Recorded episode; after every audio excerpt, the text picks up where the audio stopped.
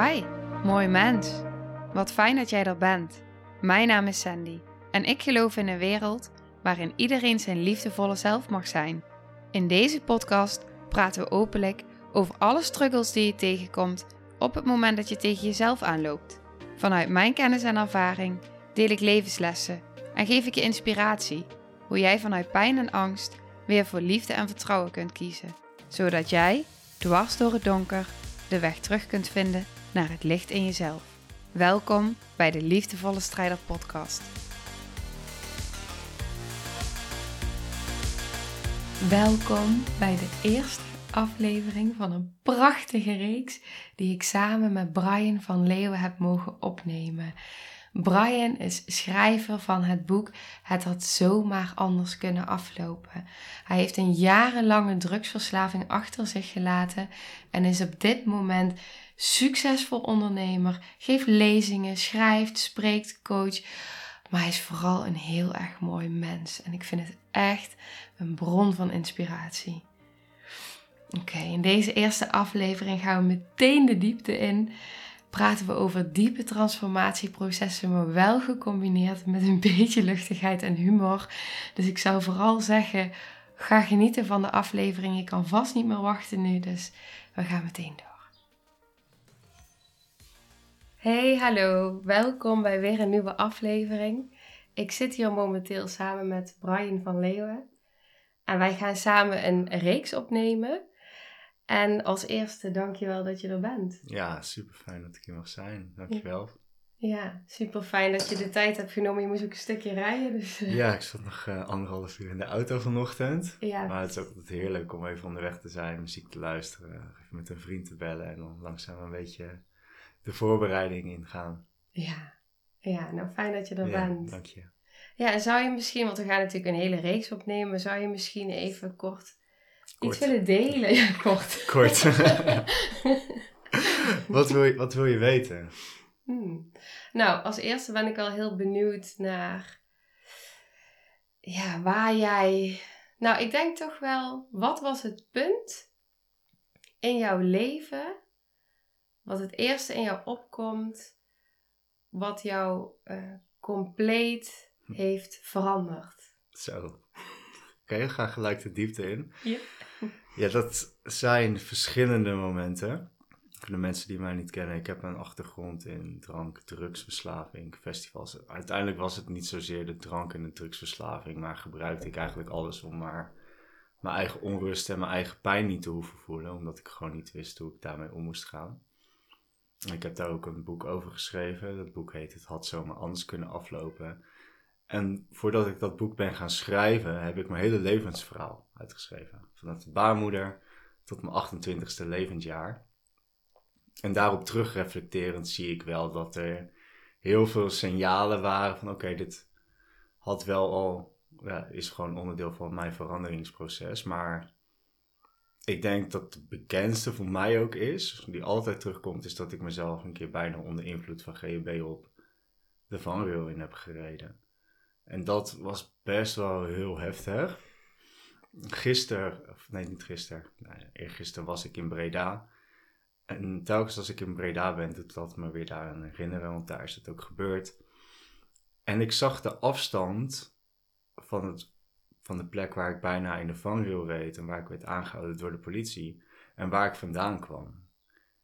En ik kwam van het Masbos vandaan en ik werd op de snelweg bij Oosterhout richting Breda Noord, werd ik aangehouden. En ik dacht, dat is echt volgens mij 10 minuten of 15 minuten rijden. En dat hele stuk was gewoon echt helemaal zwart. Geen idee hoe ik, hoe ik dat overleefd heb eigenlijk. Engeltje op mijn schouder waarschijnlijk. Maar ik uh, ben daar heel goed van afgekomen. Uh, ik zat op dat moment echt wel op mijn diepste al. En ja, ik ben onder invloed van GHB op, ben ik de auto ingestapt. En ik ben in eerste instantie tegen een auto langs de weg aangereden. En ik stopte, want ik schrok een soort van bij. Ik kwam, kwam bij en ik zag, shit, wat is er gebeurd? Ik zet de auto langs de weg, of ja, langs de kant van de weg. En er zit ook nog een dame naast me, want ik was op een date en zij had ook gebruikt. En ik zie dat de rechter voorkant van mijn auto al helemaal in elkaar zit. En ik denk, shit, wat heb ik dan geraakt? Toen zag ik een auto stilstaan langs de weg. Ik denk, shit, ik ben niet nuchter. Ik heb een hele fles met GHB in de auto liggen. Mijn auto zit in elkaar. Hoe kom ik hier onderuit? Dat is dan het Mm. eerste wat door je heen gaat. Dan ga ik in ieder geval niet aanbellen bij die mensen om met mijn vage hoofd om te zeggen dat ik tegen iemands auto ben aangereden. Want dan komt de politie, nou dan ben ik mijn rijbewijs kwijt, boete, ik heb GHB in de auto, zit ik de hele, waarschijnlijk de hele week vast. Dat gaan we niet doen. Dus ik denk, stap weer in de auto en in plaats van dat ik om 100 meter verder rijd, is het gelijk zwart. En kom ik dus op die snelweg uit. En op het moment dat ik bijkom, zie ik dat ik echt. Het ging echt in slow motion dat moment dat ik misschien op een meter van de vangrail af ben. En ik trek mijn stuur naar rechts, vol in adrenaline. En dat ik wakker ben geworden in dat moment. Dat was echt een engeltje op mijn schouder. Ik had echt niet wakker kunnen worden. En die dame naast me lag ook uit te gaan. En ik zet de auto weer op de rechter rijbaan neer. En binnen één minuut kijk ik in mijn achteruitkijkspiegel en staat er stop politie. Ja, en toen mocht ik mee naar het bureau. Natuurlijk hartstikke positief op de drugstest. Mijn vrouw, de agent, heeft niet de fles GHB gevonden in de auto. Ze heeft hem wel in haar handen gehad. Maar ze dacht waarschijnlijk dat het water was en heeft dat teruggelegd. Dus dacht ik in ieder geval, oké, Jesse komt vanavond thuis. En ik kwam vanavond thuis, naar bloedtesten, alles gedaan. En dan denk je, nou, je komt er heel mooi van af. Dan heb je geluk gehad. Maar dan kom je thuis te zitten en dan gaat er heel veel door je hoofd spelen. Angst, paniek. Wat als de mensen gewond waren geraakt? Wat als de kinderen, hun gezin in de auto had gezeten, die waren overleden? Allemaal dat soort scenario's gingen door mijn hoofd. En voor het eerst besefte ik op dat moment, na tien, jang, tien lange jaren vol drank, drugs en festivals, van shit, ik ben wel heel erg destructief. En toen kwam ik thuis te zitten met angst en paniek. En toen dacht ik, ik moet hieruit, maar hoe kom ik hieruit? Ik zit al zo diep en alles was al zo zwaar en ik voelde me zo alleen en eenzaam. En de trajecten die ik voorheen had gedaan met psychologen en psychiaters, dat, dat hielp me allemaal niet. Ik zat onder de medicijnen, onder de anabolen en ik dacht gewoon, maar ik moet hier nu dus echt uit gaan komen. Hoe ga ik dat dan doen? Ik dacht, nou, misschien moet ik wel naar een afkikkliniek. Ook al weet ik dat dat niet mijn antwoord is, want het, ik ben niet verslaafd aan een middel, dat realiseerde ik me wel heel goed. Tegelijkertijd hield ik mezelf ook echt voor de gek van ik ben niet verslaafd. Dat was het natuurlijk wel. Hmm. Alleen niet aan een middel, maar wel aan het verdoven van. En uiteindelijk eh, toch niet naar die verslavingskliniek gegaan, omdat ik het schaamrood op kaak had staan. En ik durfde gewoon niet, dus ik had me ziek gemeld. En kort daarna kwam ik met een eh, spiritueel transformatief centrum in aanraking in Zuid-Frankrijk, Terra Nova. Daar ben ik heen gegaan, notabene met carnaval. Nou, als je in Breda woont, dan wil je wel carnaval, hè? Eh, En dat was februari 2020. En ik zat nog te denken, misschien moet ik het maandje verplaatsen, want eind maart is er ook weer zo'n transformatieretraite. Ik ben blij dat ik het niet heb gedaan, want toen ik terugkwam van die retraite, nou ja, maart 2020, misschien weten jullie nog wel wat daar is gebeurd, ging de wereld op slot. Ja. Dus nog zo'n geluk dat ik daar echt heen ben gestuurd van oké, weet je, ga nou maar. En achteraf voelde dat ook wel echt als mijn laatste kans. Ik had al zoveel kansen in mijn leven gehad. Ik denk als ik die niet had gepakt, dan had ik doorgegaan met drugs. En ja, geen idee wat er dan was gebeurd. Ik kan me iets bij voorstellen wat er was gebeurd. En dat is geen prettige uitkomst geweest. Maar dat heeft zo'n verandering teweeggebracht. Ik ben volledig na die retraite mijn transformatieproces ingedoken. Ik zag voor het eerst dat het veilig was om met trauma aan de slag te gaan. Want iedereen denkt dat trauma heel zwaar is. Want er zit zo'n lading op, net zoals bij verslaving. Nou, we hebben er allemaal mee te maken. In kleinere of grotere mate. Want kijk, je hebt de wat intensere categorie in de volksmond. En dan heb je het over misbruik, ehm, dood, dat soort dingen. Maar ook de wat kleinere dingen die net zo intens kunnen zijn. Ik gebruik vaak het voorbeeld als jij een jongen van drie bent. Of een meisje van drie. En je komt thuis en je zit te spelen en papa en mama komt thuis.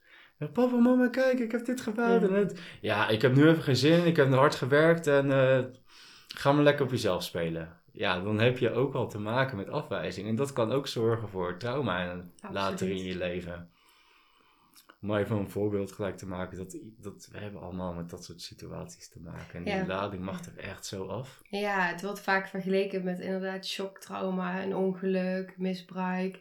Terwijl dit wat jij net deelt, als dat veelvuldig voorkomt, dan heb je het echt over ontwikkelingstrauma. Ja, zeker. En dat eh, raakt echt wel diepe sporen. Ja. Het soort lijken kleine dingen, maar ze zijn heel groot voor een kind. Ja, voor een kind, dat zeg je heel Ja. mooi. Kijk, voor volwassen, jij en ik, is dat niet zo groot. Maar voor het kleine kind is dat verschrikkelijk. En kan wanneer iemand een keer ja, afwijst, dat, je, dat doet je dan weer direct denken aan papa of mama als voorbeeld. Ja, Ja. ja. dat innerlijk kind komt meteen naar voren. En dat is eigenlijk ook wat ik jou hoor delen in het verhaal. Dat op het moment dat jij dus thuis komt te zitten, Mhm.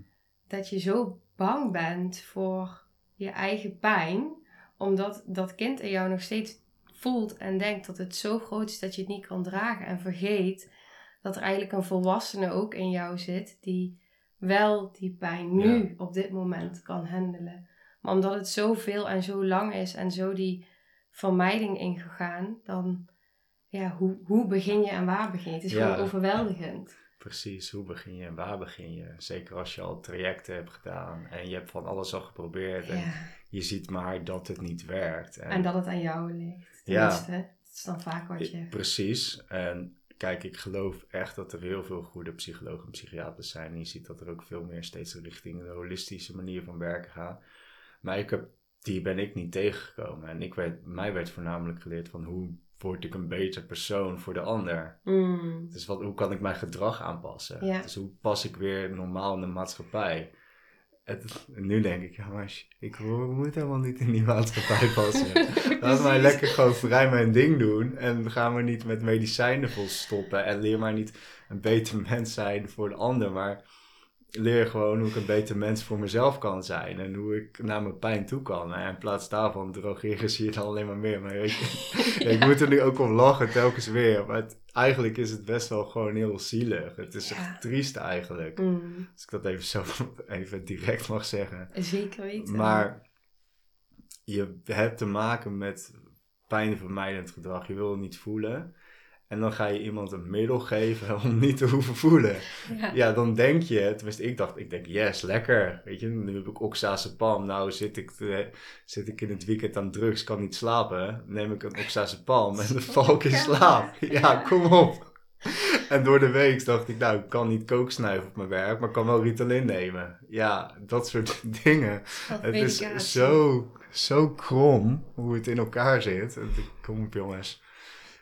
Ieder, ja, ik wil het niet te veel generaliseren, maar iedereen zou toch bij zichzelf moeten kunnen nadenken van dit is, dit klopt toch niet? Dit, het mag anders. Absoluut. En ik geloof ook zeker dat het in sommige vormen kan bijdragen. Want weet je, als je echt heel lang gedrag uit de weg gaat en je knalt ineens in een burn-out of zo'n heftige depressie dat je zelfmoordneiging hebt, dan kan het even helpen om die medicijnen te krijgen, zeker. Maar ga dan wel direct ook een traject in om te kijken waar die pijn vandaan komt. Want die depressie en die burn-out, dat zijn alleen maar signalen dat jij te lang al weg bent van wie je in essentie bent. Nou ja, dat is precies wat ik eh, zo heb ervaren wat jij deelt.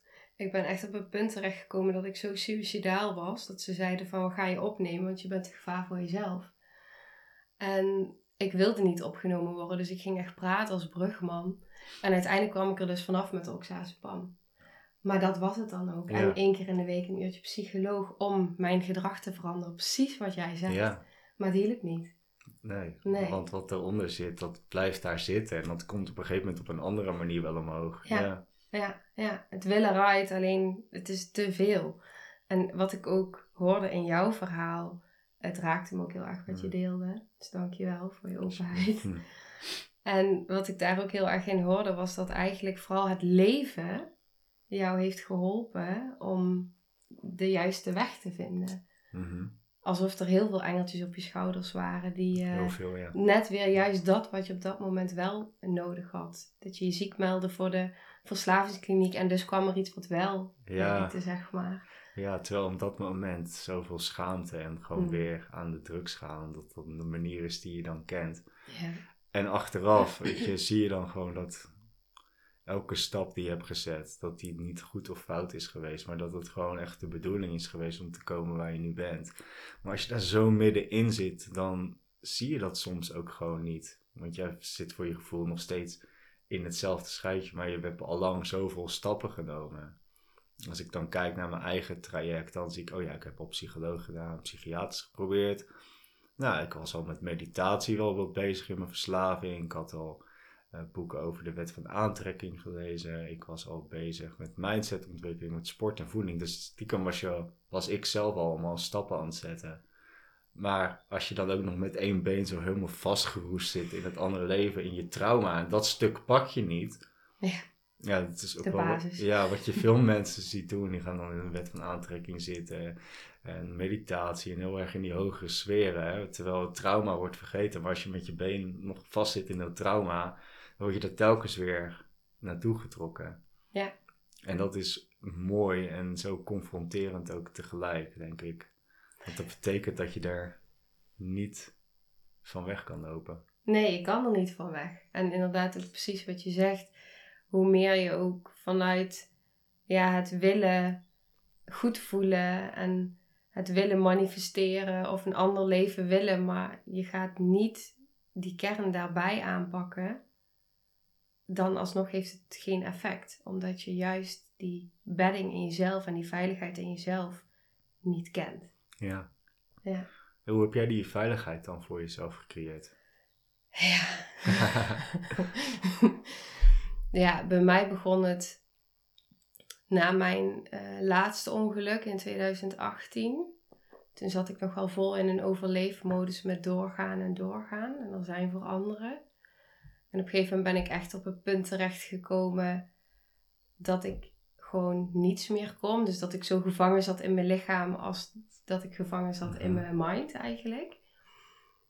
En toen ben ik naar binnen gegaan. Hm. En daar is eigenlijk het begonnen. Dus toen ben ik in mezelf gaan voelen. En toen kwam ik erachter dat ik dacht dat ik weer zou verdrinken. Terwijl niemand Ja. mij hoorde schreeuwen. Eh, maar dat was wat ik als kind had ervaren. En dat was nu niet zo. Hm. Dus ik merkte juist dat door het aangaan. En het was heel donker. En ik blijf het aangaan nog steeds. Want het proces is echt eind- oneindig. Maar ik merkte dus dat die veiligheid steeds meer in mezelf integreert. Omdat ik het aan blijf kijken in mezelf. En hoe meer ik het samen doe, heb ik ervaren. Dus dat ik het niet Mhm. alleen hoef te doen steeds. Maar er samen met mensen doorheen ga. En zij ook in dat moment een hulpbron zijn. En ik heb steeds meer hulpbronnen in mezelf. Ja, dat ik steeds meer die veiligheid kan gaan ervaren. Dus ook om hulp vragen. Mhm. Ja, en dat helpt mij. Mooi. Omdat ik zoveel... Ja, op het moment dat ik juist bij die pijnstukken kom... dan is alles in mijn systeem erin geneigd om daarvan weg te Ja. bewegen. Ja, dus dan komt die dissociatie en dan eh, schiet ik er echt uit. Ja, mooi dat je dat opmerkt. Dat zie je heel vaak inderdaad. Als mensen te maken hebben met pijn, dat ze gaan dissociëren, dat ze uit het lichaam gaan, dat ze er Ja. niet meer zijn. Alleen, jij geeft net zoals ik één op één sessies. Maar ik heb gehoord dat jij er net zoals ik mee gaat stoppen. In het kader van manifesteren, waar we het ook later over gaan hebben. Dus maar dan, dan, zie je, dan zie je ook gewoon wat cliënten doen. Op het moment dat het heftig wordt, moet je ze gewoon terughalen. Van oké, wat gebeurt er in je lichaam? Wat voel je? Je er nog? Kan je nog contact maken met je benen? Ja. Telkens weer terughalen naar dat lichaam. Want dat lichaam is dan natuurlijk het, het station wat, wat eng is en waar het pijn doet. Ja, En sommige mensen hebben het gewoon niet door. Die lopen gewoon de hele dag gedissocieerd als wandelende hoofden over straat heen. heel veel mensen. Ja. Ja, ja. ja dat is het, precies. Ja, ja en daarom is, daarom is ook echt die ervaring dat het, het samen is voor mij echt wel eh, de weg naar eh, het, het veilig kunnen zijn in mijn lijf. Samen. Ja, Ja, ook, Ja. ook mooi. Dat zag ik ook op die eerste transformatieretretten. En ik had geen idee wat ik ging doen. Ik zag dat daar mensen heen gingen met hun trauma en dat ze hun leven weer op de rit gingen krijgen. Ik dacht, nou ja, ik heb echt gewoon niks te verliezen. Dus ik ga er gewoon heen. En dat ik daar een spiritueel ontwaken zou meemaken, ja, dat had ik echt gewoon niet verwacht. En dat ik daar met holistische wijze eh, van werken te maken had ik ook niet verwacht. Maar daarmee zag ik wel dat die methoden, en of dat nou regressie, reïncarnatie, EFT, innerlijk kindwerk, intuïtieve healing, weet je wat, maakt niet zoveel uit hoe je het noemt. Maar ik zag wel van, oh, die gaan naar de kern en die pakken ook de spirituele laag erbij, waar normaal gesproken het alleen op fysiek zit, emotioneel of mentaal, en niet dat ze alle vier combineren. Dus dat was één ding waarvan ik dacht van, oh, wauw, dit, dit geeft hoop. Maar het tweede ding was dat ik met een groep van nou, ongeveer 18 mensen denk ik was. En dat iedereen daar een rugzakje bij zich had. En dat iedereen het daar met elkaar aan durfde gaan. En dat iedereen eerlijk naar elkaar was. En direct met elkaar in diepgaande gesprekken ging. met als resultaat dat na zo'n retraite van zes dagen... dat ik de meeste mensen daar beter leerde kennen dan mijn eigen vrienden en vriendschappen die gebaseerd waren op drank, drugs en festivals. En dat was voor mij van, oh wauw, dit is zo'n ander niveau, zo'n andere laag, zoveel diepgang erin.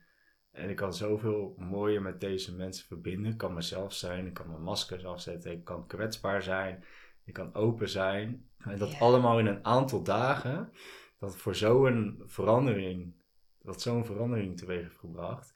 En voorheen moest ik dan met een psycholoog gaan praten en een traject van negen maanden of langer en dan elkaar om de twee weken een keer zien.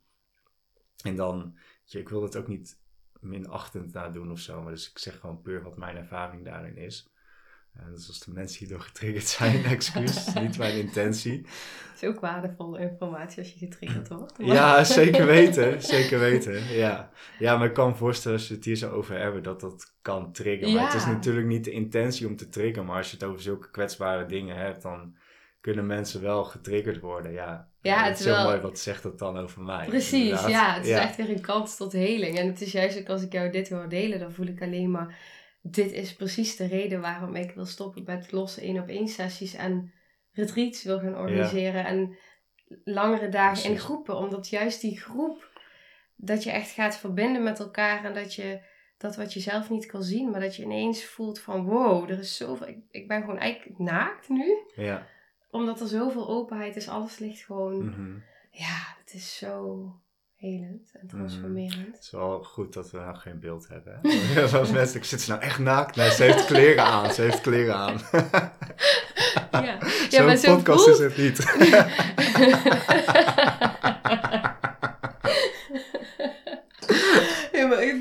zo vaak gewoon echt zo. Op het moment dat je je zo uitspreekt en zo kwetsbaar bent en samen bent en verbindt. En je diepste lagen worden gewoon zichtbaar. Ja. En dat is zo, ja. Dat is zo mooi. En als je een losse één op één sessie doet, kan je inderdaad ook wel, je kan dat ook realiseren. Want het is super krachtig, maar het is veel fijner ook.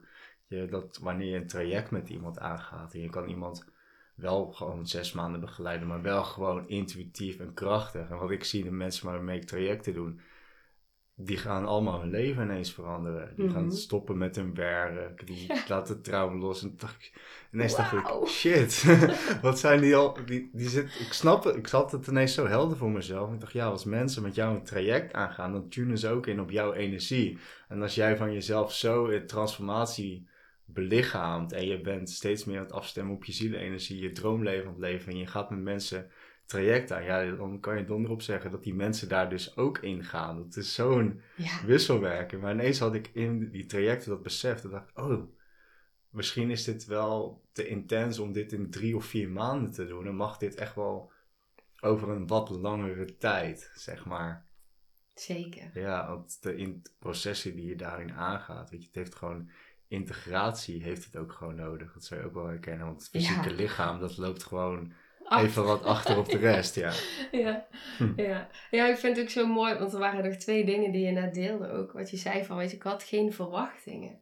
Ik ging erin en wat ik totaal niet had verwacht, dat, dat gebeurde gewoon. Juist ook doordat de mind dan even wat minder mee kan doen, omdat hij het misschien niet begrijpt of niet snapt. Het, het ontstaat gewoon. Het, gebeurt, het komt gewoon letterlijk door je heen. Ja, ik had wel verwachtingen, maar niet, niet die verwachtingen in ieder geval.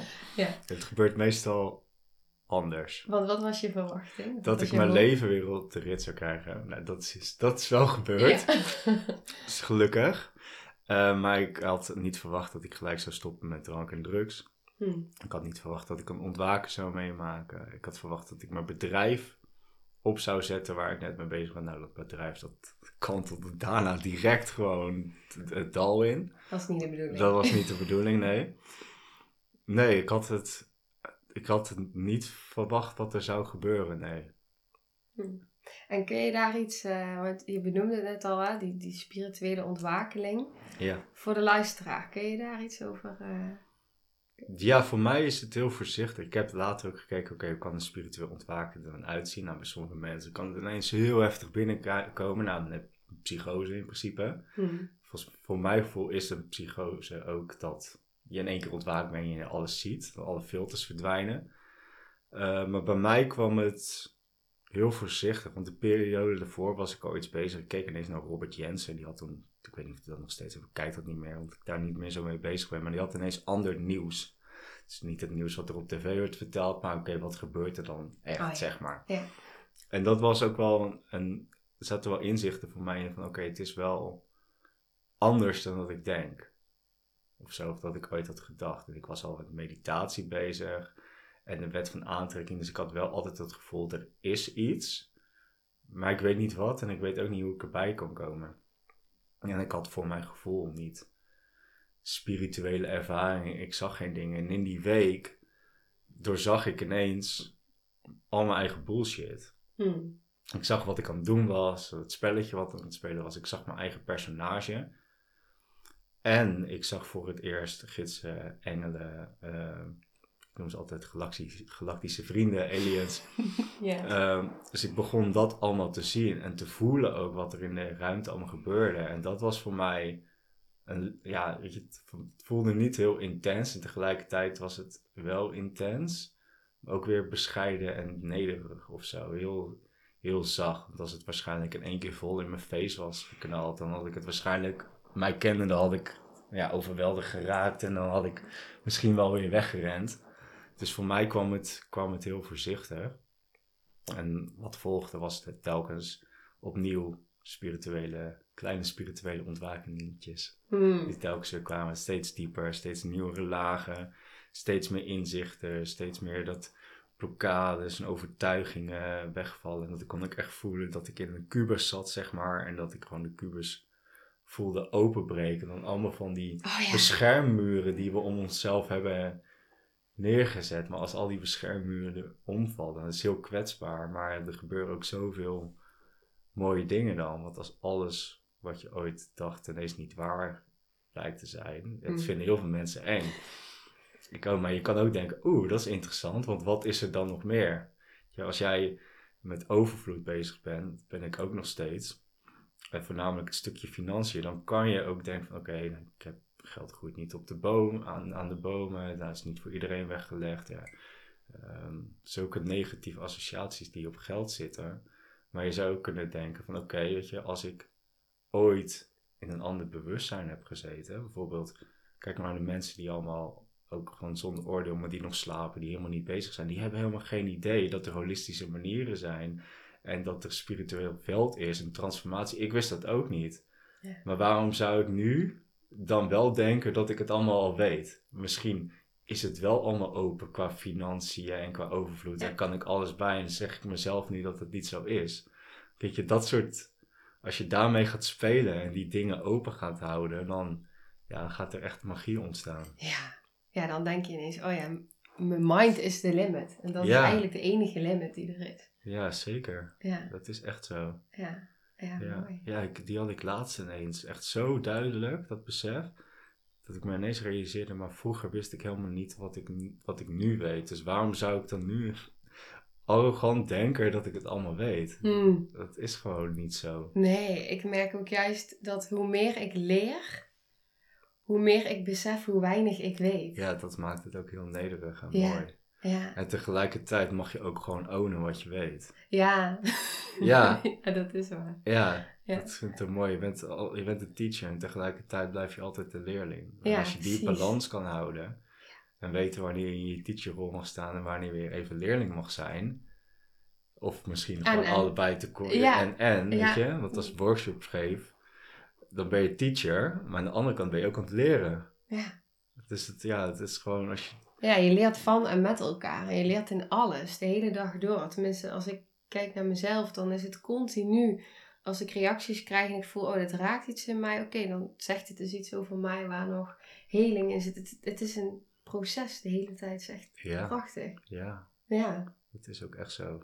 ja. Het is ook heel mooi dat je dat telkens weer op jezelf betrekt. Ja, zo, voor mij ook zo'n belangrijke les. Omdat altijd eerst oké, wat zegt het over mij? Wat doet het over mij? Oh ja, en als ik dat doorleefd heb, doorvoeld en de lading is er af.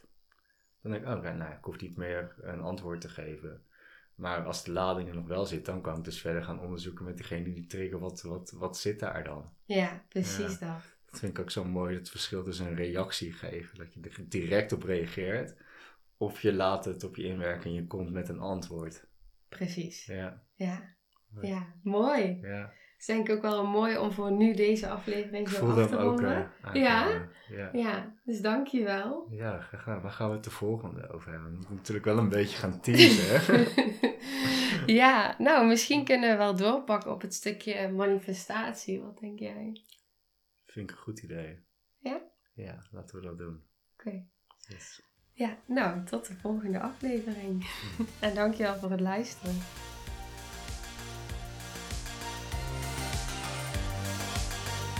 Nou, lieve mensen, ontzettend bedankt voor het luisteren. Ik ben heel benieuwd wat je van de aflevering vond en welk inzicht je eruit hebt gehaald.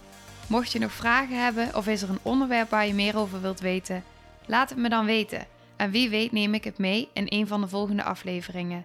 Als je het leuk vindt, kun je de aflevering delen. Of maak een screenshot en tag me op Instagram. Want ik vind het echt super tof om te zien wie er luistert. De link van mijn Instagram staat in de beschrijving bij de podcast.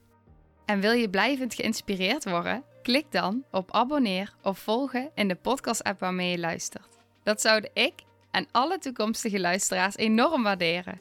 Want dat zorgt er namelijk voor dat de podcast beter gevonden wordt.